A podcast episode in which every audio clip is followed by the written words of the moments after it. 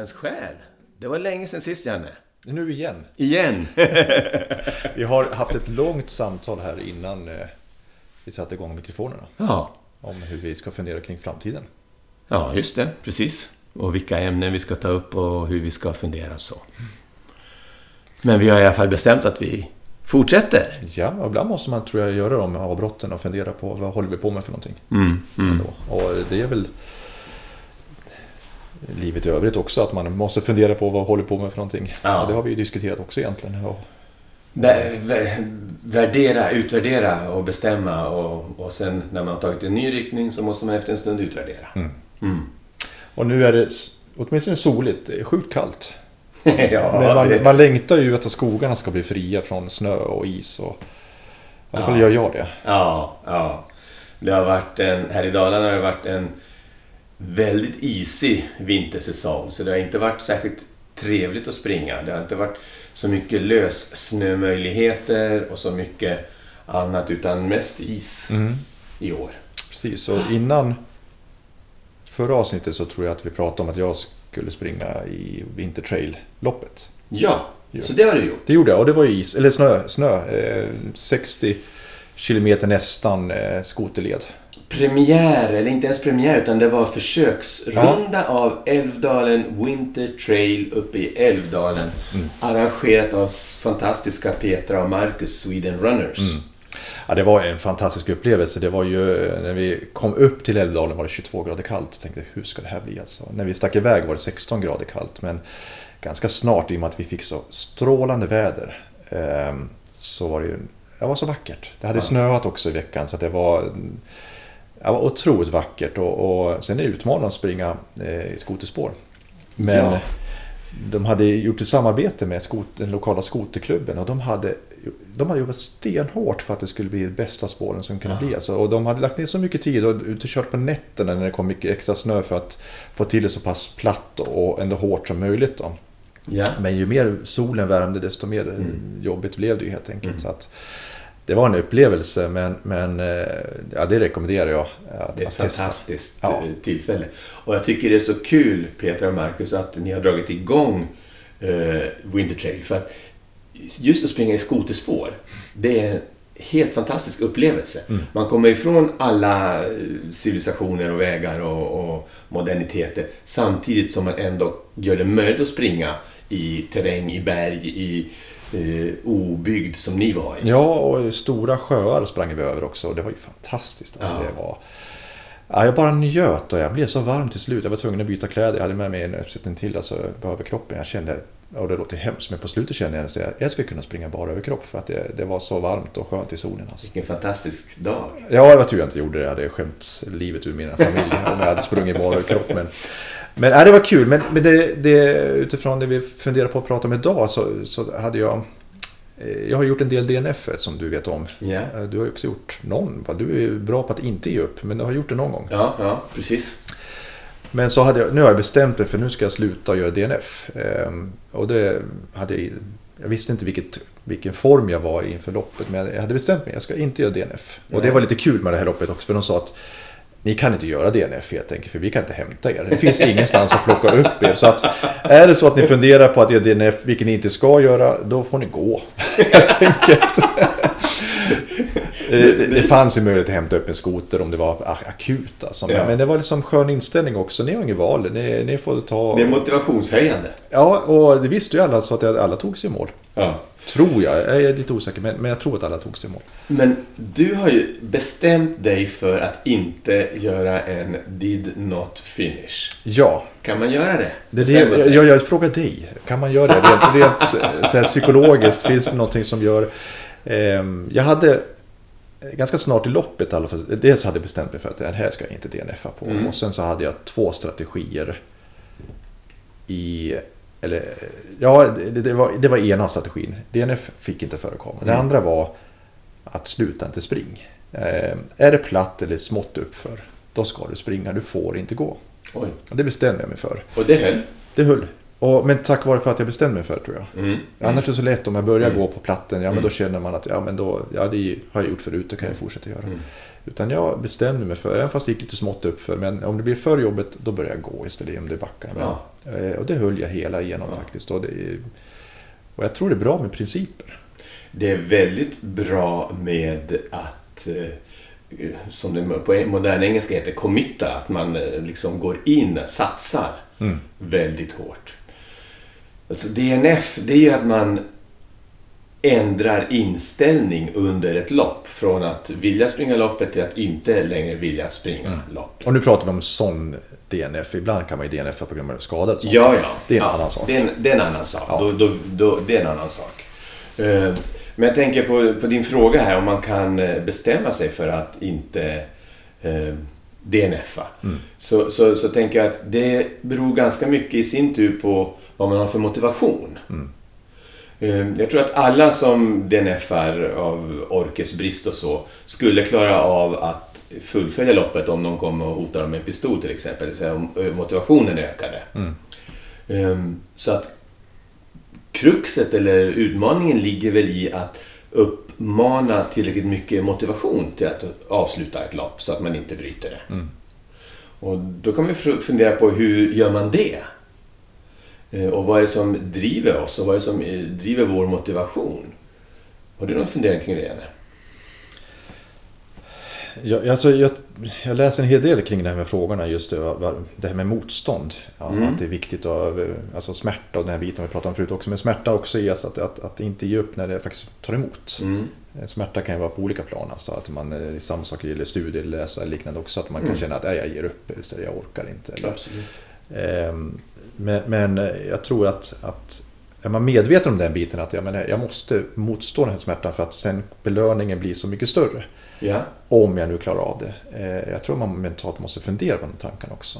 Alltså, jag vet inte om det är motivation vi pratar om då eller, eller bara Nej, stå ut. Då tror jag att det är något annat vi pratar om. Ja. För att överkomma motstånd så, så tror jag att eh, om det handlar om självkontroll, self-reliance på engelska, Mm. självbehärskning. Jag tror vi är inne på samma sak när vi pratar om pannben lite grann, att det, Mm. är slangen för self-reliant. Det vill säga hur mycket eh, viljestyrka man har. Och för mig är det skillnad från motivationen. Ja. Eh, viljestyrkan är någonting som beror på eh, inre faktorer mera för mig. Eh, vad vi har för förmåga till självdisciplin eller självbehärskning, kanske man ska använda ordet. Är, är det en grundläggande förmåga vi har eller vi föds med eller kan utvecklas eller kan man till och med plocka fram det under ett lopp? Eller är det, saknar jag den förmågan så kanske jag inte kan göra på loppet heller? Bra. Eh, man säger att det är en förmåga som man har anlag för men som man behöver träna. Okej. Så man tränar från första början eh, som liten bebis att eh, stå emot sina impulser. Att om jag till exempel vill ha eh, godis, att jag liksom inte genast tar godiset eller vad det är för någonting. Eh, vi har varit inne på marshmallow-testet, det, är, Ja. det är ett mått på det. Men det, det där är en förmåga som eh, man tror, som jag tror, beror på lite olika andra faktorer i, i psyket. Det vill säga hur mycket eh,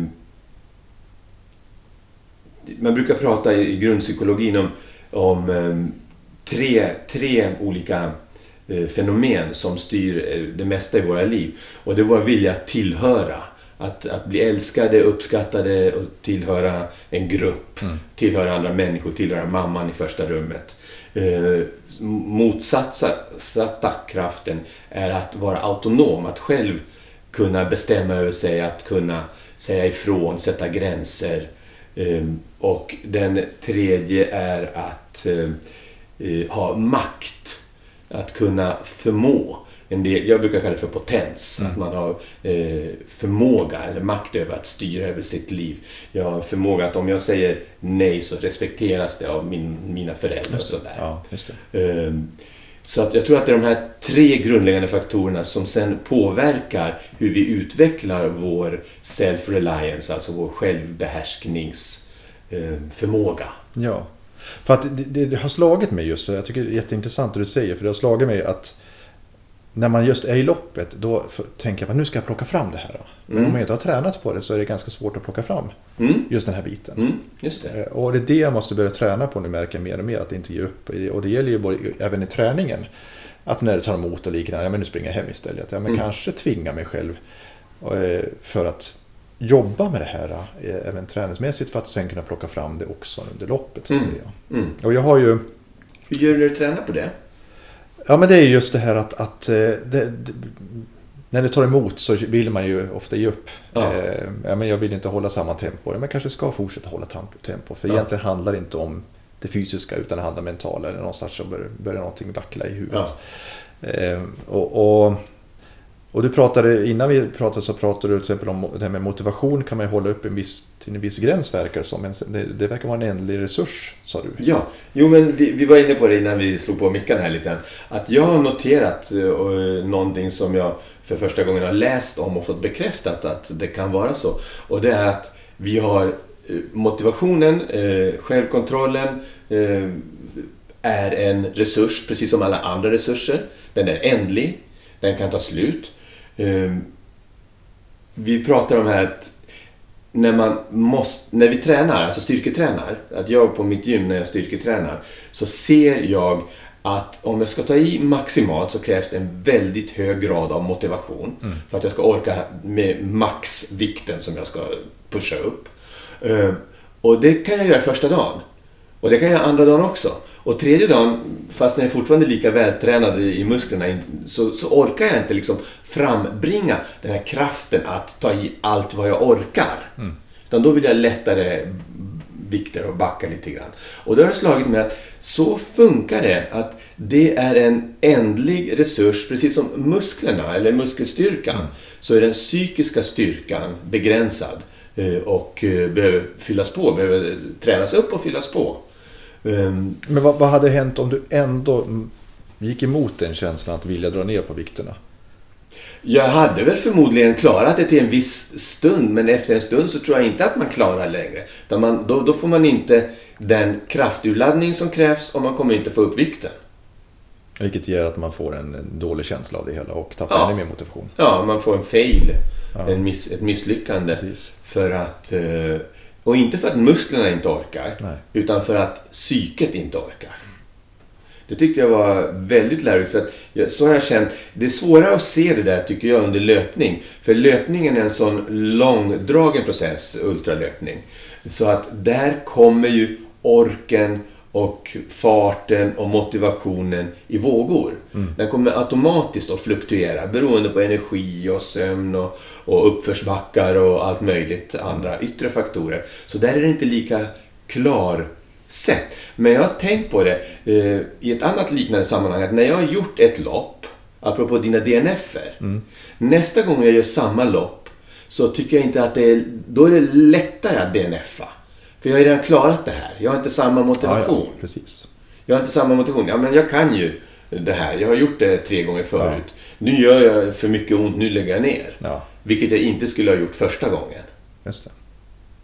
Ja, jag har ju anmält mig igen nu till Luca Pine här eh, på den, den långa. eh, Den är ju nästan 17 mil. Jag har ju själv DNFat på den. Ja, det är den jag slutade på. Precis. Precis, och jag har ju DNFat den också. På grund av bristande motivation. Helt. Det var Ja. det det handlade om. Det Ja. var inte kroppen utan det var eh, mitt i natten där så tappade jag liksom helt. Ja, efter en felspringning, det har vi pratat om förut också. Men, men det var det, det som gjorde att jag verkligen tappade det lilla, det, det lilla uns av motivation jag hade. Mm. Eh, Var du motiverad när du gick dit, till mållinjen? Startlinjen? jo men det var jag. Det var Mm. jag verkligen motiverad och tänkte att det här ska bli kul och, och sånt. Men, men det var här var ju efter sju, nio mil var Mm. väl ungefär kanske som jag kände att här Mm. Så hände någonting. Eh, och sen som sagt, vi har pratat om det också. eh, Jag vart inte direkt, fick ingen push ifrån dem som jag mötte heller att fortsätta. Utan de bara sa att ja, men det klart vi ska sluta. Ja. Eh, men jag skyller inte på dem. Utan vad det handlar om det är att ja, men hur, hur kan, kan just den här tanken om att ja, men den här gången får jag inte DNF. Kan, kan, den, kan den hjälpa mig? Eller, det handlar inte om motivation säger du, utan det handlar om någonting annat. Det är en princip kanske snarare. Ehm, Ja. Jag vet inte, det ska bli spännande att se. Det är slutet av maj. Eh, Det är ett tag kvar. ja. Men det är ju... Men du har en mycket allvarligare ingång den här gången än förra gången. Absolut, då var det bara att springa och tänka det här blir bra. Ja. Eh, Jag tror att jag måste arbeta mer mentalt och det är därför jag just tänker på att nu måste jag ju träningen också faktiskt ja, men göra det lilla extra när man känner att jag vill ge upp. Eller, eller jag, jag, jag vill, jag, jag, jag gör det på ett annat sätt. Eller jag skippar den här planen jag hade för träningen. Eh, Mm. Jag kanske måste hålla fast vid den istället som ett led i att träna på att uppbåda de krafter som behövs både mentalt och fysiskt Mm. när det väl gäller. Mm. Och, och det som du säger att ja, men det här är kanske... Eller jag har ju som trott det här är bara att plocka fram. Och jag inser att det är ju inte det. Nej, den är inte så enkel. Det är inte Nej. som... Nej, att man Jag har haft en övertro på min, min egen förmåga helt enkelt. Ja. Och då, då ändrar man ju en position i grundinställningen. Då är man lite mera... Mindre prestige i det hela. Man tar bort prestigen. Jag fixar det här. Man tar bort eh, ambitionen. Mm. Man tar bort en del motivationsfaktorer. Eh, och då blir det lättare än DNF. Mm, just det. Mm. Så det är Ja. intressant. Ja, sen hoppas jag att det ändå kan hitta motivation och att få... Vi, vi, vi pratar om det också lite här, om podden här. Att, att vi kanske... Man kanske också ska ta med sig utrustningen och faktiskt ta, samtala med någon när man går där och intervjua för att dela tankar och sen kanske lyssna på dem igen efteråt och sen Mm. kanske göra ett program av det också. Mm, mm. Du ska ju springa här snart, förresten om fyra veckor ska du springa runt Vättern. Japp. Det låter korkat. det är förmodligen ganska korkat. Och ett av skälen till att det är korkat är att det finns ingen led runt Vättern på något vettigt sätt. Nej. Utan man får försöka springa på vägar och, och stigar och sånt som man kan hitta. Vi är ett gäng härifrån Dalarna som ska springa Vättern runt. Ungefär 38 mil har vi räknat att det ska vara. Vi kommer springa eh, sex dagar, cirka sex mil om dagen. Och det här tycker jag är roligt ur ett annat perspektiv. Och det andra perspektivet är den här sociala biten. Mm. Jag vill ju jättegärna hävda, apropå tillhöra, en av våra Mm. grundläggande behov. ehm, Tillhöra ett trevligt gäng som ska ha superkul under sex dagars tid och bara få ägna sig åt löpning.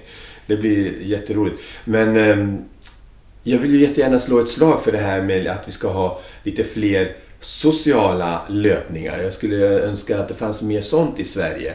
Ehm, Jag håller på att läsa en bok nu som handlar om japansk löparkultur.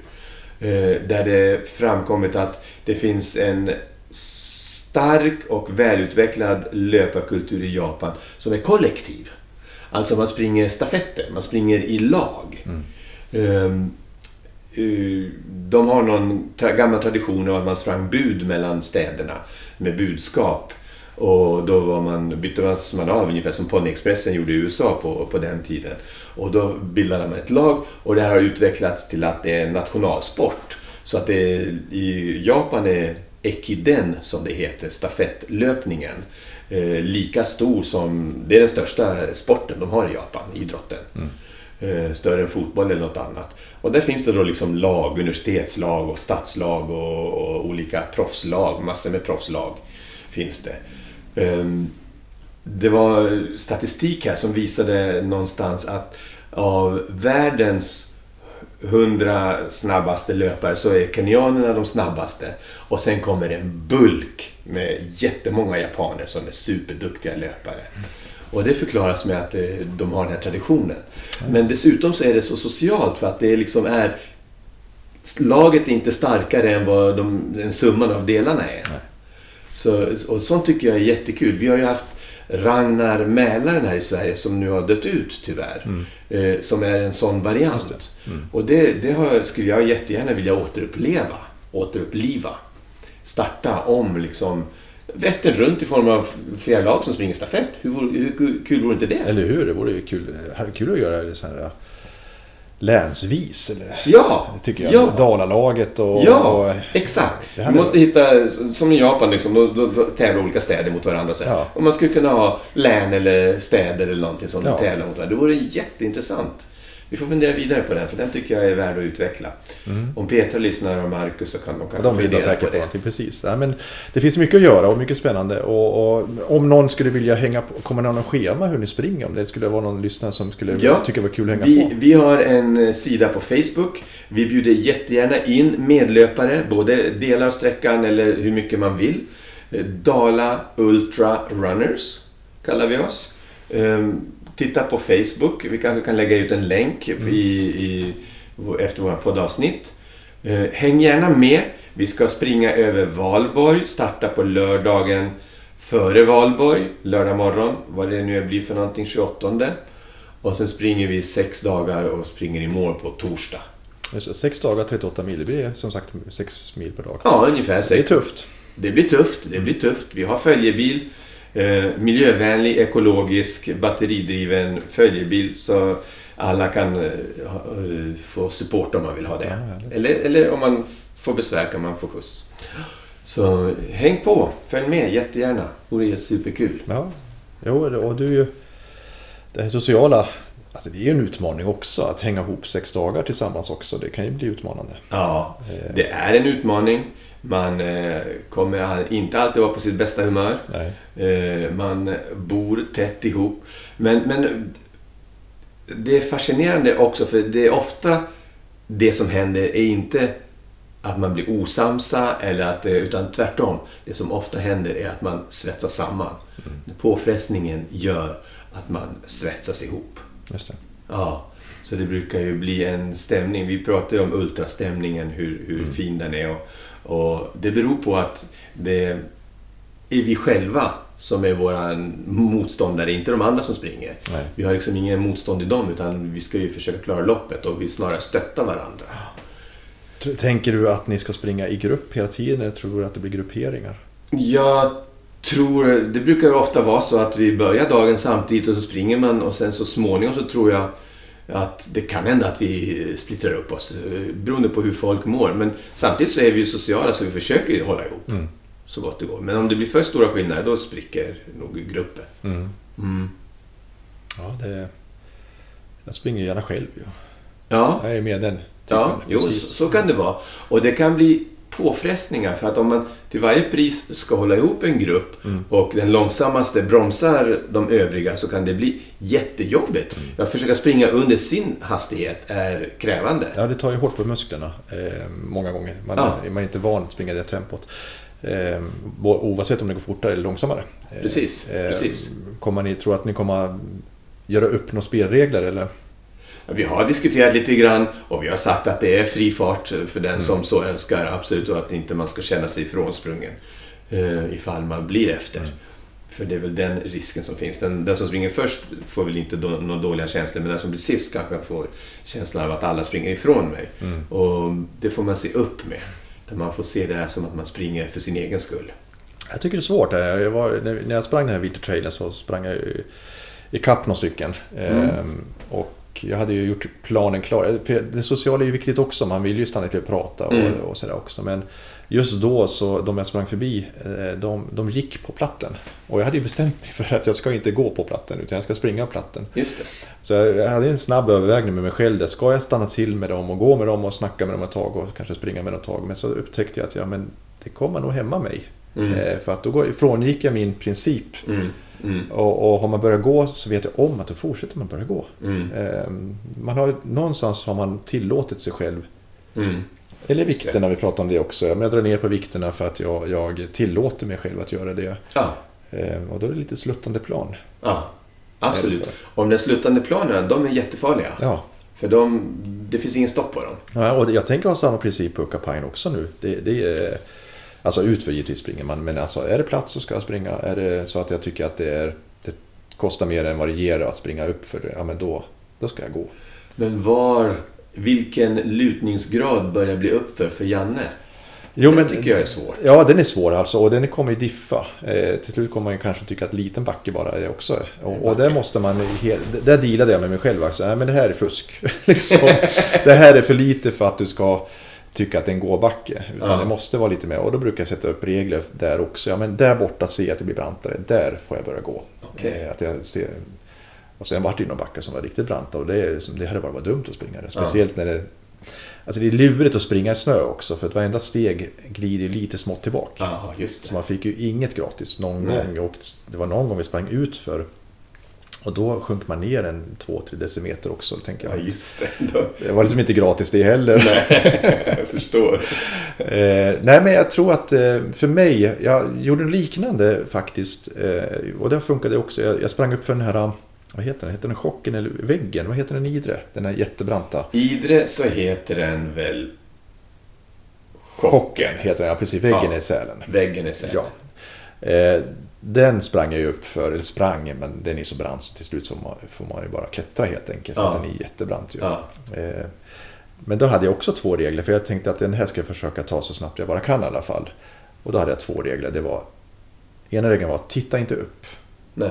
För att om jag börjar titta och se hur långt det är kvar, Mm. då får jag problem med det. Mm. Och det andra var sluta inte röra på dig. Mm. Ja, okej. Inte stanna upp. Nej, inte stanna upp någon gång heller. Utan eh, även fast det går långsamt, fortsätt att röra på dig så Ja. att du bara ska stå där som andas. Det är en jättebra regel. Det där är, det där är Ja. en grundregel. Och, och den funkade jättebra också. Det, det har varit eh, bättre tid än vad jag någonsin trodde jag skulle få uppför backen. Men, men jag tror att det var viktigt det här att, att titta inte upp brukar jag faktiskt också ibland eh, göra när jag ser långa backar och sånt. Brukar, då brukar jag sänka blicken och så fortsätter jag bara för att Ja. inte titta upp. Ja. Jag hade när jag började springa ultra en tumregel som jag ibland försöker hålla, men den går inte heller alltid att hålla. Det är att om man inte ser slutet på backen, då, då är det gåbacke. Apropå vad, vad som är, vad som är eh, gåbacke och vad som inte är en gåbacke. Ja. Men ser man slutet på den, eller om man ser toppen liksom, och det är inte alltför brant, då, då är det en springbacke. Och, och det är ju... Alltså det, man, det är väldigt demoraliserande om man ser en backe som aldrig tar slut. Ja, ja, Det, ja, det är det. Det, Då är det jätteklokt, som du säger, att slå ner blicken. Ja, Ja, för då blir det bara en överraskning. Är den redan här eh, toppen? Ja, För att den ja. kommer tidigare än om jag hade flicken uppe. Jag brukar fokusera på andningen. Om jag, om jag tycker att det är jobbigt uppför ehm, så, så brukar jag fokusera på andningen. Håll lagom andhämtning, eller puls då om man vill Mm. det. Håll lagom puls, lagom andhämtning som jag orkar hålla. Mm. Och strunta i om det är uppför, brant, nerför, snart slut, långt kvar. Bara håll fokus på att du ligger på ett bra eh, varvtal i motorn. Just det. Precis, och det kan vara andningen eller watt kan man ju räkna också. Ja, ja. Ehm, och det är, watt är ju ett bra sätt att rö- för andningen diffar, kommer ju alltid lite efter det. Det blir senare i statistiken. Ja. Men watten visar ju till exempel om Ja. jag, om jag håller, ska hålla 220 watt så gör jag, det innebär att om, om det går upp för då kanske, då ser jag att då går jag och då är det 220 Och watt. då måste man ha en speciell wattmätare, en podd. Och det har du Janne. Jag tänkte fråga dig, det var länge sedan jag såg att du använde den. Ja, jag var länge sedan. Alltså jag, jag gillar egentligen inte att springa efter klockan. Utan jag gillar ju mer att lyssna till kroppen. Eh, så att jag är dålig på att springa efter klockan. Så då struntar du i vatten och jag lyssnar på andningen istället? Ja, jag lyssnar på andningen istället. Eh, Säger men- emot dig själv. Jag säger emot mig själv. Men i, i princip så tror jag att det är en ganska bra idé egentligen. För att vatten är väldigt exakt. Ja, Eh, ja. För då kan jag hålla liksom ex- samma energi. Eh, Det är nästan säkrare än vad pulsen är. Ja, Eh, För pulsen kan ju diffa av, av olika anledningar också. ja, ja absolut. Eh, Men är inte det bra då? Jag menar, om du är...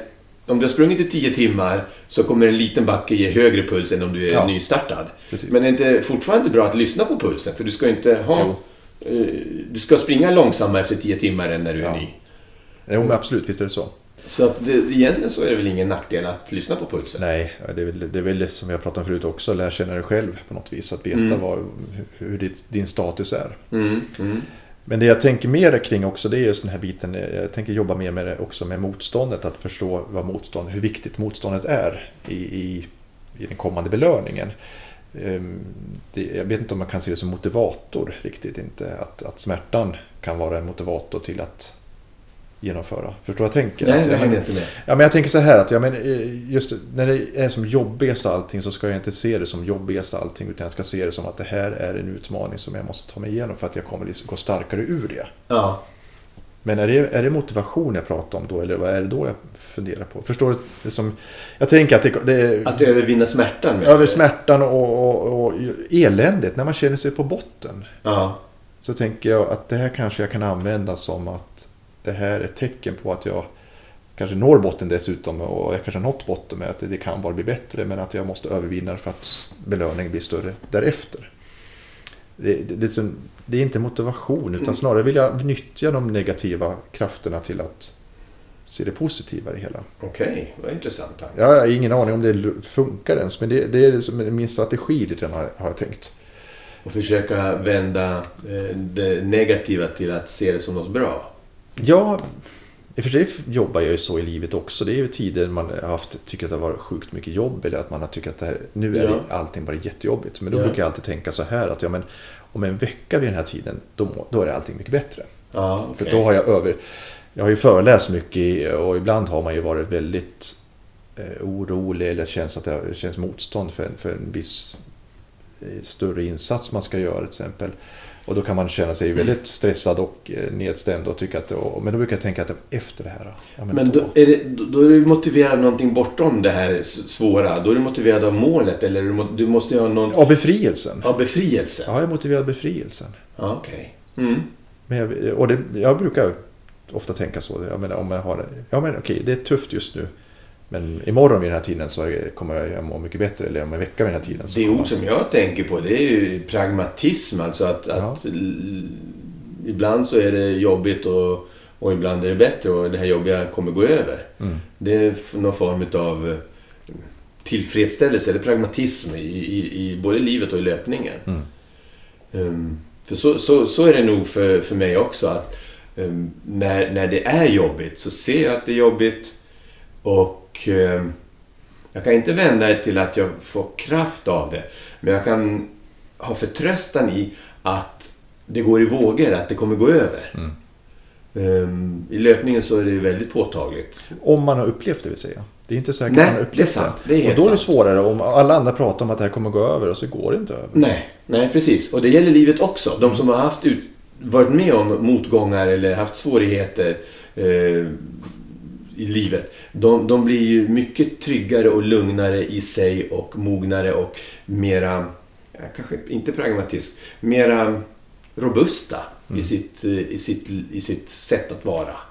Och det är det löpningen också. Har man varit med om de här svackorna och vet att ja, men, mellan tre och fem på natten, då är jag sömnig. Jag går över när klockan blir sju på morgonen. Ehm, så då, då, då är det mycket lättare. Och det har jag lärt mig. Eh, det var Kilian Jornet som sa det, liksom att ja, 100 milslopp. Jag har varit med om så många dygnsvakor nu så det är ingenting.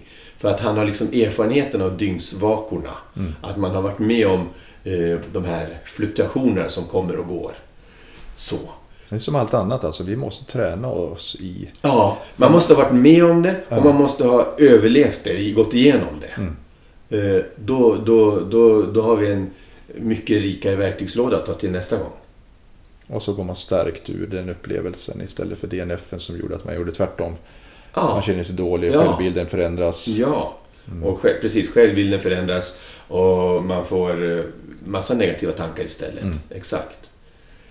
Eh, Skäms gör man ibland. Ja, absolut. Mm. Det gör man. Mm. Och det, det, det är ju en klok idé precis vid, när man gör det, tycker Mm. man. Mm. Sen tar det inte lång tid innan jag upptäcker att...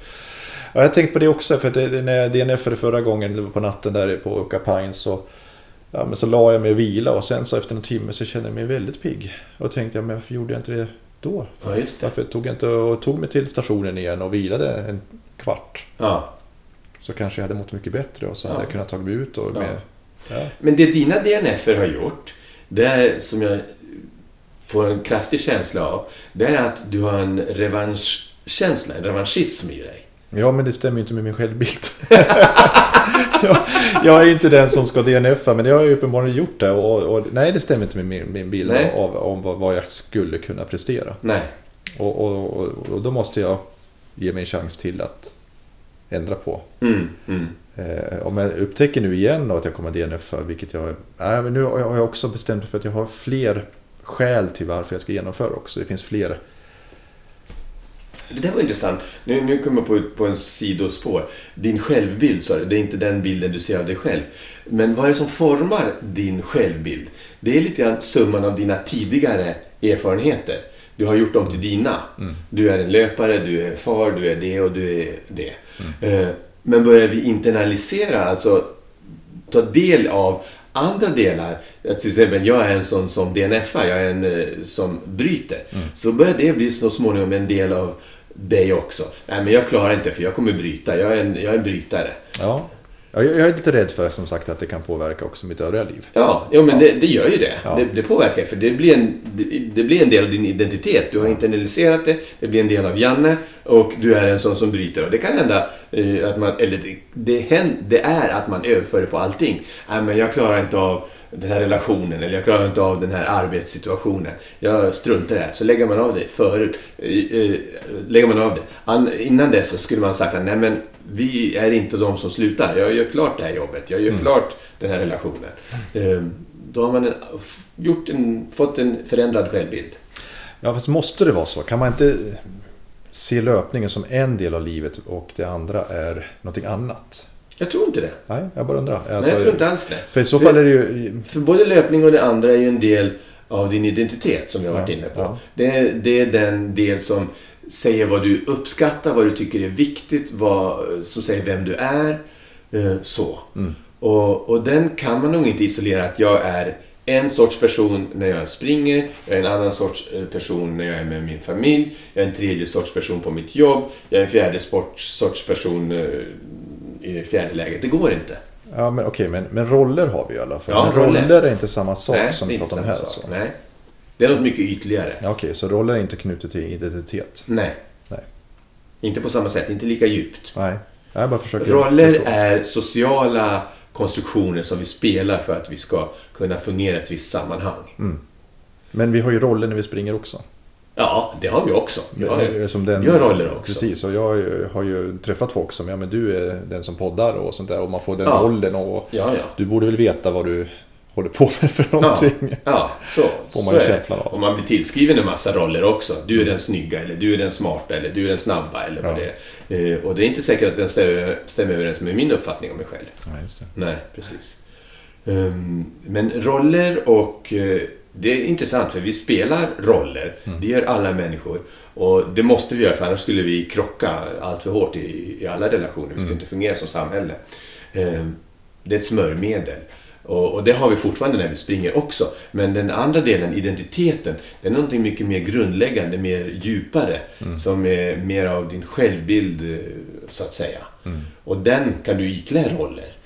Jag kan eh, tycka att jag inte är särskilt snabb, men om jag springer i en grupp där de andra säger att Åh, du är den snabbaste, så kommer jag vara den snabbaste i gruppen. Alltså ha, ta den rollen. Eh, så. Eh, så det, det är två, två lite olika saker. Och en del av min identitet skulle kunna vara det här att man inte ger upp eller att man fortsätter och strävar. Är det Ja. det vi pratade om förut? Att man Ja. kan träna upp den biten men det kan också vara en del av min identitet. Ja, ja, absolut. Du, kan, du gör ju dina erfarenheter mer eller mindre tar du till dem och det som man säger internalisera, alltså gör dem en del av dig själv. Eh, Och en del saker försöker vi verkligen att inte internalisera och en del saker vill vi internalisera. Jag vill vara snabb eller framgångsrik eller positiva saker. Och de negativa saker som jag värderar negativt, de försöker jag att inte göra till en del av mig själv. Men vi kan inte låta bli, vi är inte immuna. Vi, vi, får tillräckligt många hundra DNF så kan du inte låta bli att påverkas av det. Nej. Trots att du inte vill vara en DNF-are. Eh, Så att, eh, ja, det påverkar oss. Nu är inte uppe i Och- 100 DNF i alla fall. Nej, förhoppningsvis inte. Nej, men, men kan det, tycker du finns det ett värde i att försöka sträva efter att inte ha DNF? Alltså är det viktigt eller är, är, är, håller jag bara på att slåss mot väderkvarnar tycker du?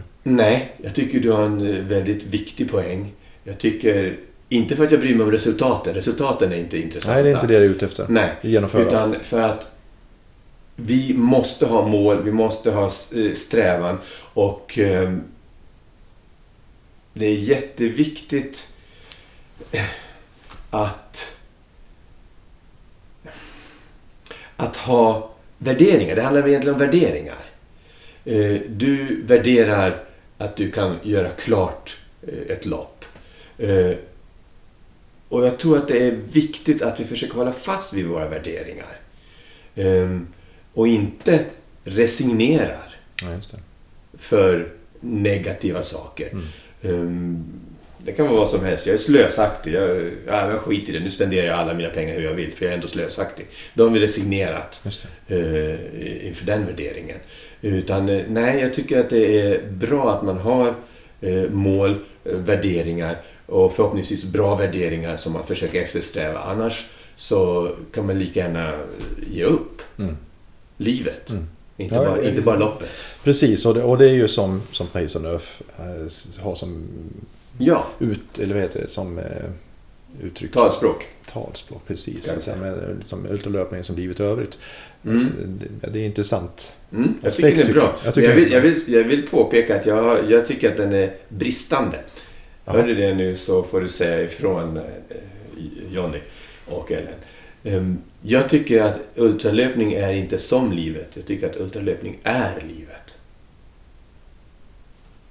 Det är bara... Det tror jag inte de kommer någonting emot. Att du säger. Nej, nej, nej, men det är Jag hade, hoppats på något, jag hade hoppats på något mer kontroversiellt, men okej. Nej, det är inget kontroversiellt. Men det är en skillnad. För att jag ser ju löpningen, ultralöpningen som en spegling av livet. Precis som min, jag vet jag, övriga sidor av mitt liv är o- olika delar av mitt liv.